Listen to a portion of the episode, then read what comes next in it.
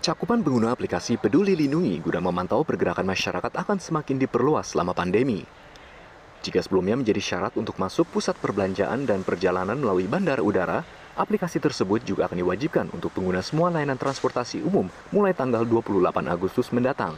Sebagaimana disampaikan Menteri Kesehatan dalam keterangannya Senin lalu.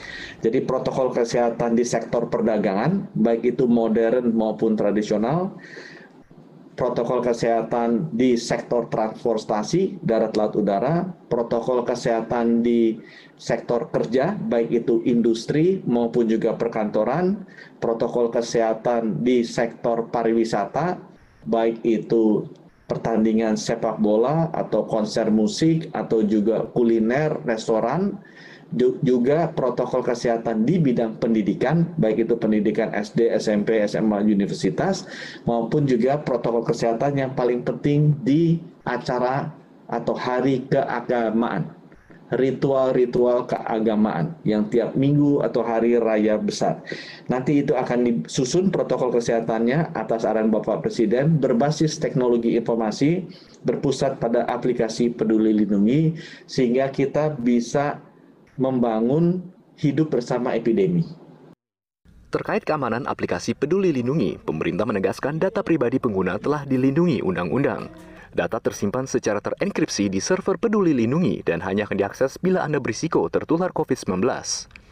Adapun data yang diambil saat menjalankan aplikasi Peduli Lindungi hanya berupa kedekatan satu ponsel cerdas dengan yang lainnya dalam format terenkripsi, di mana nomor telepon yang didaftarkan akan diberi identitas acak.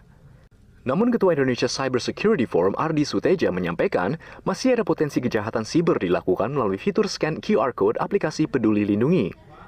Siapa tengah malam posternya diganti, barcode-nya itu di apa di overlay dengan barcode yang malicious atau barcode yang mengalihkan kepada situs lain. Nah inilah yang jadi bahaya. Coba dibayangkan kalau tidak ada yang menyadari, tidak ada yang mengawasi poster ya eh, tempat ada barcode itu, dan orang tengah malam uh, apa uh, ada yang nempel atau yang orang menyaru sebagai petugas gitu ya mengganti kita kan nggak tahu ternyata kita dibawa kita scan masuk mall kita dibawa kepada situs lain Agar terhindar dari potensi bahaya seperti ini, masyarakat diimbau untuk lakukan scan QR code di lokasi yang terdapat petugas, serta memerhatikan keaslian poster QR code. Arya Dita Utama, Maranatha Tampu Bolon, Jakarta.